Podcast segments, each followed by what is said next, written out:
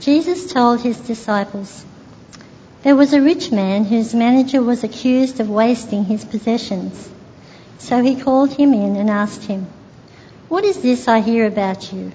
Give an account of your management, because you cannot be manager any longer. The manager said to himself, What shall I do now? My master is taking away my job. I'm not strong enough to dig, and I'm ashamed to beg. I know what I'll do, so that when I lose my job here, people will welcome me into their houses. So he called in each one of his master's debtors. He asked the first, How much do you owe my master? Eight hundred gallons of olive oil, he replied. The manager told him, Take your bill, sit down quickly, and make it four hundred. Then he asked the second, And how much do you owe? A thousand bushels of wheat, he replied. He told him, Take your bill and make it eight hundred. The master commended the dishonest manager because he had acted shrewdly. For the people of this world are more shrewd in dealing with their own kind than are the people of the light. I tell you, use worldly wealth to gain friends for yourselves, so that when it is gone, you will be welcomed into eternal dwellings. Whoever can be trusted with very little can also be trusted with much, and whoever is dishonest with very little will also be dishonest with much. So, if you have not been trustworthy in handling worldly wealth, who will trust you with true riches? And if you have not been trustworthy with someone else's property, who will give you property of your own? No servant can serve two masters. Either he will hate the one and love the other, or he will be devoted to the one and despise the other. You cannot serve both God and money. The Pharisees who loved money heard all this and were sneering at Jesus. He said to them, You are the ones who justify yourselves in the eyes of men, but God knows your hearts. What is highly valued among men is detestable in God's sight. Welcome. My name's Mark Collins and it's uh, wonderful to be here today. Just make sure I've got that right. Yes. Uh, so what are we looking at? Well, we're looking at how should we use our money today, or the biblical concept of stewardship. Now, before going to Bible college, I worked in banks for 12 years. And as we're probably well aware, banks, uh, banking is an industry that is driven by money. You either go to the bank to get a loan and you pay lots of interest, or you put your money in the bank and get little interest for that money. But there's another person in history who knew a bit about money. This man was an Anglican minister by the name of John Wesley. Now, John Wesley was a minister in the 1700s and along with his brother started the Methodist Church. But Wesley preached a famous sermon on the use of money from Luke chapter 16. And it started like this. The love of money, we know, is the root of all evil, but not the thing itself. The fault does not lie in the money, but in them that use it. It may be used for ill, and what may be not. It may be likewise be used well. It is of unspeakable service to all civilized nations, in all common affairs of life, it is an instrument of transacting all manner of business and of doing all manner of good. There's John Wesley on the screen there. So John Wesley concluded his sermon with three points. He said, earn all you can or gain all you can. Save all you can. And then give all you can to God. Now coming from the banking background, I guess earning or gaining all you can and saving all you can might come a bit naturally to me. But giving all you can to God, giving all you can to God, I find difficult. And maybe you do too. We struggle with how can we use our money to glorify God. As we come to this topic, concentrating on stewardship, the question is, what does the word stewardship mean to you? What does stewardship mean to you if you hear that word? Well, see, at the essence of stewardship is trust. Why is that? Well, God has entrusted to us many good things and we are to be stewards of those things. So a steward is one who is trustworthy with the things of God. And that could be resources, it could be possessions, it could be money, it could be gifts or talents. It could even be the truth that we see through Jesus, who is Lord and Saviour of the world. And we know that God is generous. God has given us many good things. He gives us His one and only Son. He gave Jesus the name that is above every name. God gives generously as creator and sustainer of all things. God gives humanity the breath of life in the garden. He gives us everything to sustain us and He gives us everything to have a relationship with Him. And if we go to Genesis chapter 1, we see that we are given dominion to be stewards of, over all the earth, over all of God's resources.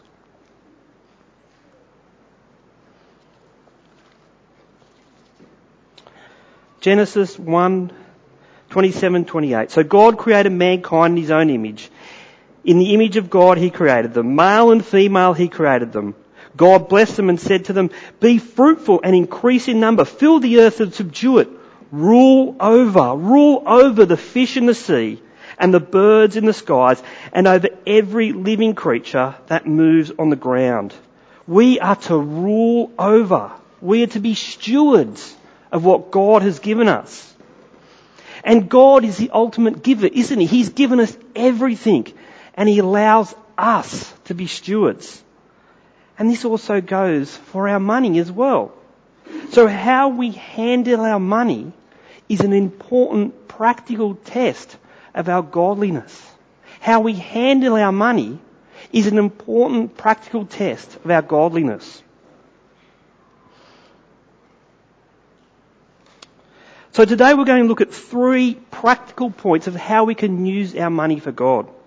First, we must earn or gain our money honestly.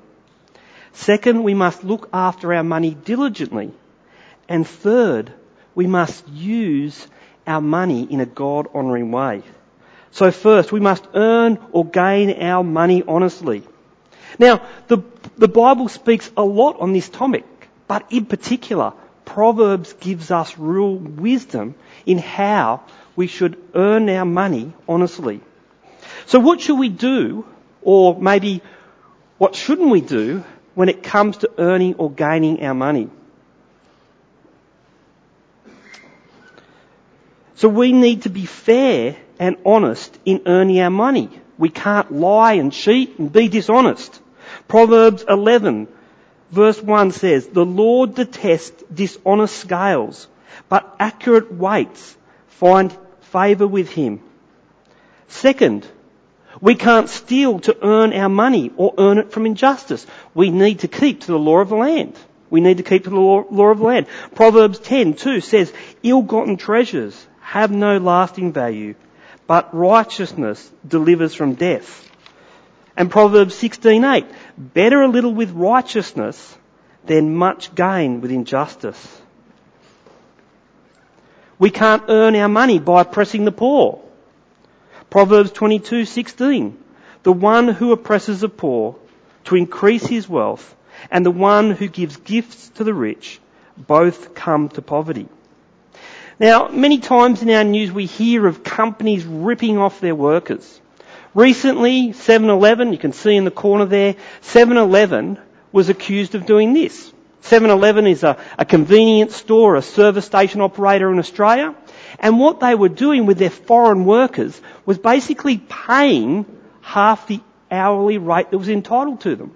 But even worse, the managers or store owners would actually get into the payroll system and play around with it to make it look like they were actually receiving their full entitlements. Now this was only discovered when a bunch of foreign workers went to uh, media outlets and uh, told them of the situation. The media outlets like Four Corners investigated and they found out it was true. And then all the authorities got involved, and I still think it's actually being worked out now. What these, the, the, the workers and their entitlements are still being worked out now. So if you're a manager, if you're a team leader, if you're a foreman, if you're a Christian businessman, if you invest your money in companies, you can't invest in companies or you can't earn your money where the law is disregarded.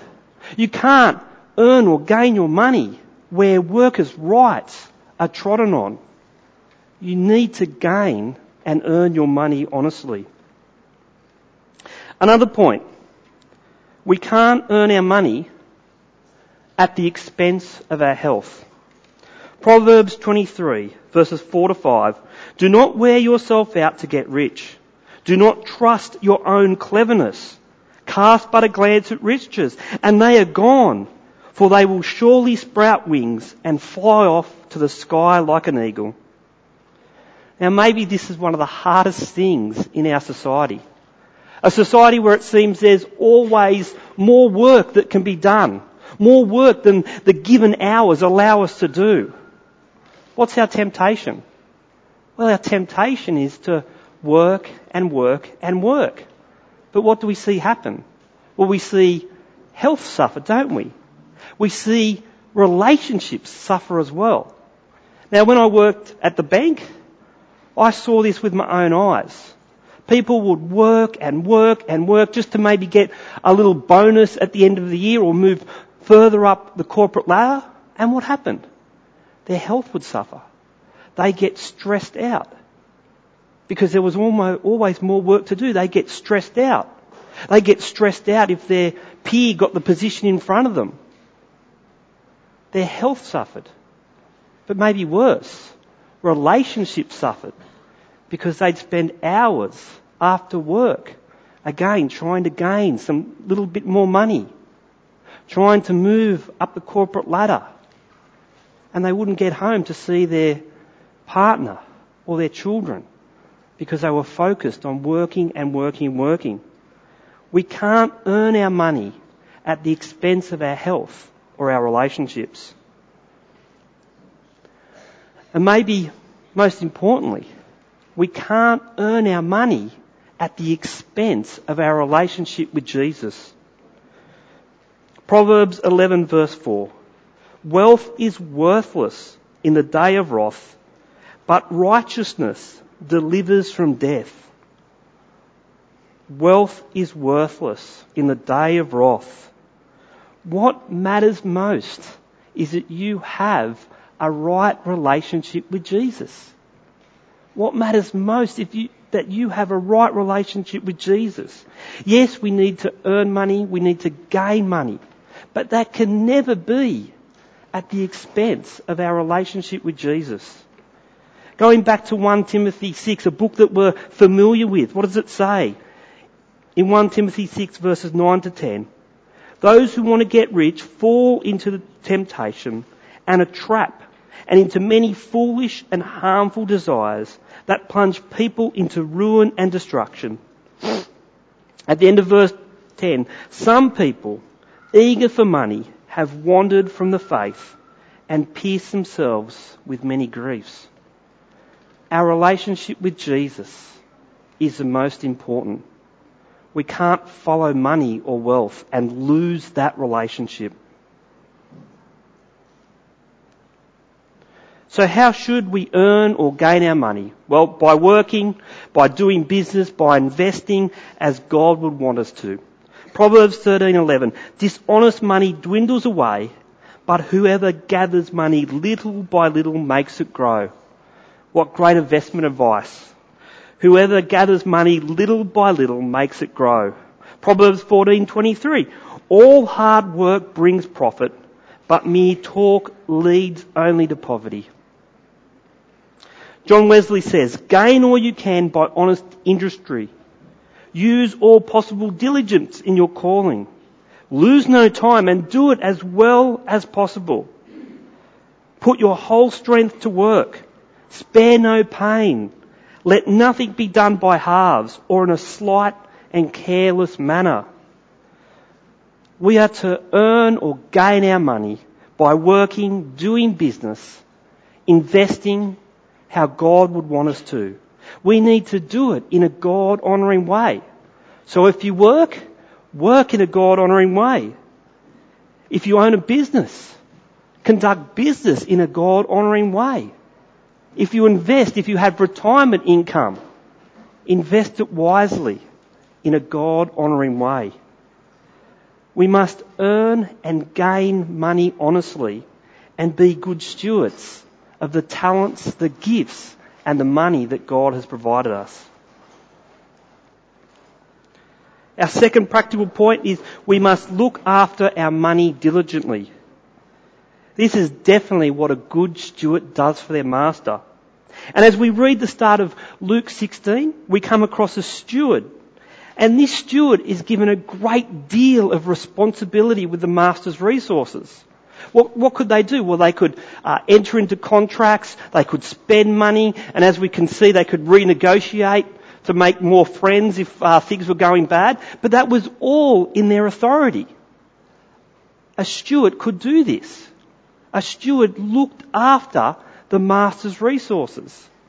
And like anybody with that sort of authority, they could either do a good job at it or a bad job at it.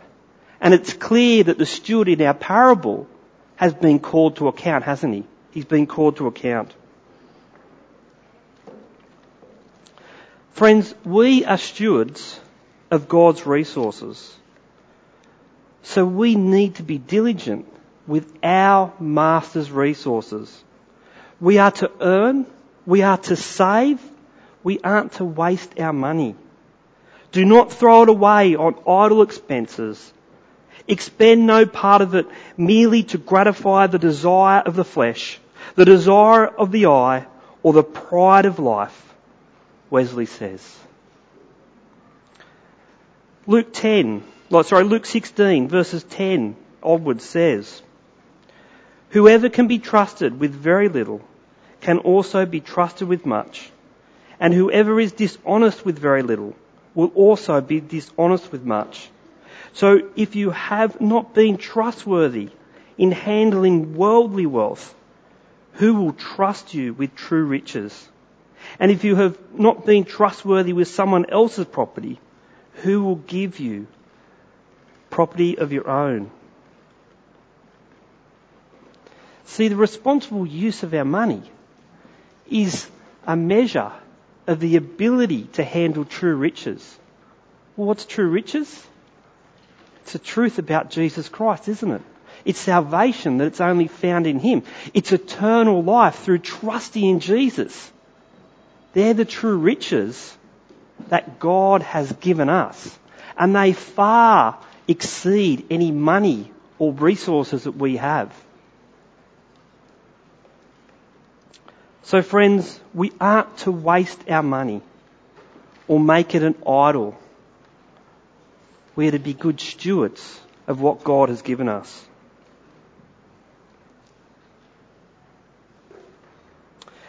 Last,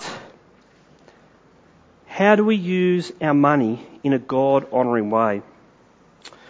Well, one thing is we pay our taxes. I'm sorry, you need to pay your taxes. What does Jesus actually say? Give back to Caesar what is Caesar's and give to God what is God's. We need to pay our taxes. But a good steward will also provide for their family. They'll provide for themselves and they'll provide for God's kingdom. Maybe an order might look like this. We're to support God's kingdom and the local Christian community. At a local level, but also further afield in this city, in this state, in this, uh, in the country, around the world, we are to give to Christian ministry. But in particular, we are to give to those who have been set aside to teach and preach. We are to give to the local church. And how do we go about doing that? Well, this should be intentional.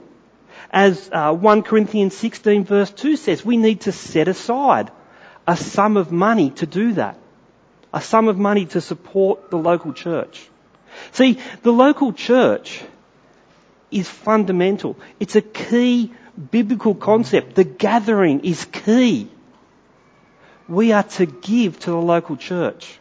I was going to do a bit of a survey. Who's been saved here through the work of the local church? Anybody? I have. Yep. Who's grown in their faith through the local church? Yep. Who's been able to serve through the local church? Hopefully people on the band can say that this morning. See friends, the local church is fundamental. So we need to support the local church. And in particular, we need to support the pastor or the minister financially at that local church. Now this also extends to obviously other ministries that happen in our community. So scripture in schools, a wonderful example. In Australia, BCA, Bush Church Aid, or around the world. CMS missionaries. I know there's a CMS rep in the uh, congregation, so I need to make sure I say that. But we are to support Christian ministry. And 1 Timothy chapter 5 verse 17 to 18 says this. The elders who direct the affairs of the church well are worthy of double honour, especially those whose work is preaching and teaching, for the scripture says, do not muzzle an ox while it is treading out grain, and the worker deserves his wage. We are to give money intentionally to the local church and then other kingdom building ministries. What else might we do? Well, we might provide for ourselves. Ephesians 5:29 says, after all, no one ever hated their own body, but they feed and care for their body, just as Christ does the church. We need self-love before we love others. And if possible, we need to work so we're not a burden on other people. We need to spend a modest part of our income supporting ourselves. John Wesley tells this story. Now what Wesley had just done, he he just uh, purchased some paintings for his room. And then what happened was one of his maids came and knocked on his door. Uh, Wesley looked at the maid and it was a very cold winter day and he noticed that she was just wearing a very thin linen gown. So Wesley went to his pockets. He didn't have a credit card back in those days so he had to ferret around in his pockets and he found that he didn't have much money left after buying the pictures for his room. So what did he think? What did he think? Well, he thought to himself that would God be happy with the way that I have just spent my money? He asked himself this question. Will thy master say, well done, good and faithful steward? I have adorned my walls with money that might have screened this poor lady from the cold. Now, the point is, buying the picture, the pictures for his wall, it, it wasn't wrong. But what was wrong is that he spent all the money that he had on these pictures and wasn't able to help this poor maid that had no warm clothes for this cold winter. Now obviously we can't feel guilty every time we buy something that isn't an absolute necessity. But what we need to do is we need to be thoughtful, we need to be good stewards with the money that God has given us. And we need to be sacrificial. We need to be sacrificial with the money that God has given us. Next, we provide for our family and relatives. When talking about supporting genuine widows, Paul says this in 1 Timothy uh, chapter 5 verse 8. Anyone who does not provide for their relatives, and especially for their own household, has denied the faith and is worse than an unbeliever. These are very strong words, aren't they? We need to spend some of our money supporting our family. But also we need to support our relatives who are in need. Now I think people that have come from other countries, other poorer countries to Australia, they get that concept better than what I do. Because they know that they've got to send money back to relatives that may be in dire need back in their countries. I know the Filipino service where I preached this, uh, this sermon before, they said, yeah, that's what we do. We get that. But we struggle with the working, working, working, working, working and earning, earning more because we're not used to doing that. that It doesn't happen in the Philippines. It's just interesting how different cultures, uh, different people struggle on some of these points. Lastly, we need to give to the poor. We need to give to the poor. We need to give to those in our Christian community who are in need. Galatians 6:10 Therefore as we have opportunity let us do good to all people especially to those who belong to the family of believers. Now, at this point, I've got the compassion logo up on the screen because I give some money. I support a child through compassion. It's not that supporting other children's charities is bad. I support compassion and give a priority to compassion because of their gospel mandate. How they give to the poorer children in countries is through the local church. They use the local church as a focus point to, yes, provide for children's needs, but to also teach them about Jesus and to educate them. So my priority when I give to the poor is through compassion. That's not saying other uh, charities are bad.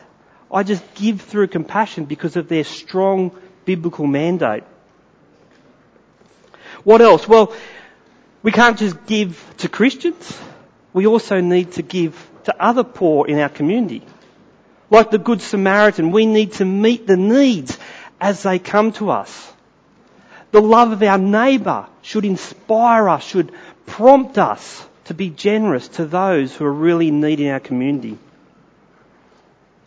Proverbs 28:27 Those who give to the poor will lack nothing, but those who close their eyes to them receive many curses. So how can we use our money in a God honouring way? So up on the screen is an example. I stress it's an example. We might want to give 10% to the local church. We might want to save 10%. We might want to use 75% for our family and ourselves to live on, live on paying bills and all those necessities, food and the like, petrol in the car. And we might want to give 5% to maybe other ministries or poor in our community. So again, that's an example. That's just a practical example. But the most important thing is at the bottom of the screen there. Remember that we need to be good stewards. And how we go about doing that, how we use our money, is between God and you. And yes, if you're a family unit, it's between the family and God.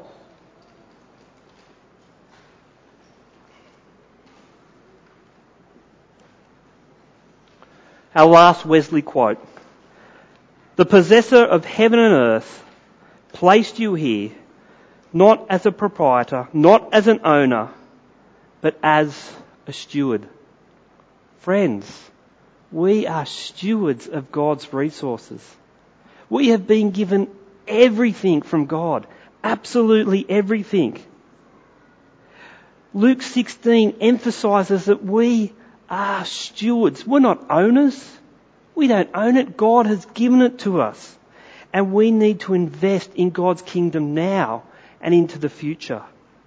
Your life, your money, your possessions belong to God and they need to be used to glorify Him. Let me pray for us. Father God, we do thank you so much for all that you do. We thank you so much that you have given your only Son to die on the cross for our sins. We thank you that you are a generous God. Father, help us all here today to be good stewards of the resources, the money, the talents, the gifts, the, the truth that you have given to us. Help us, Lord, to use it all to glorify you in everything we do. Amen.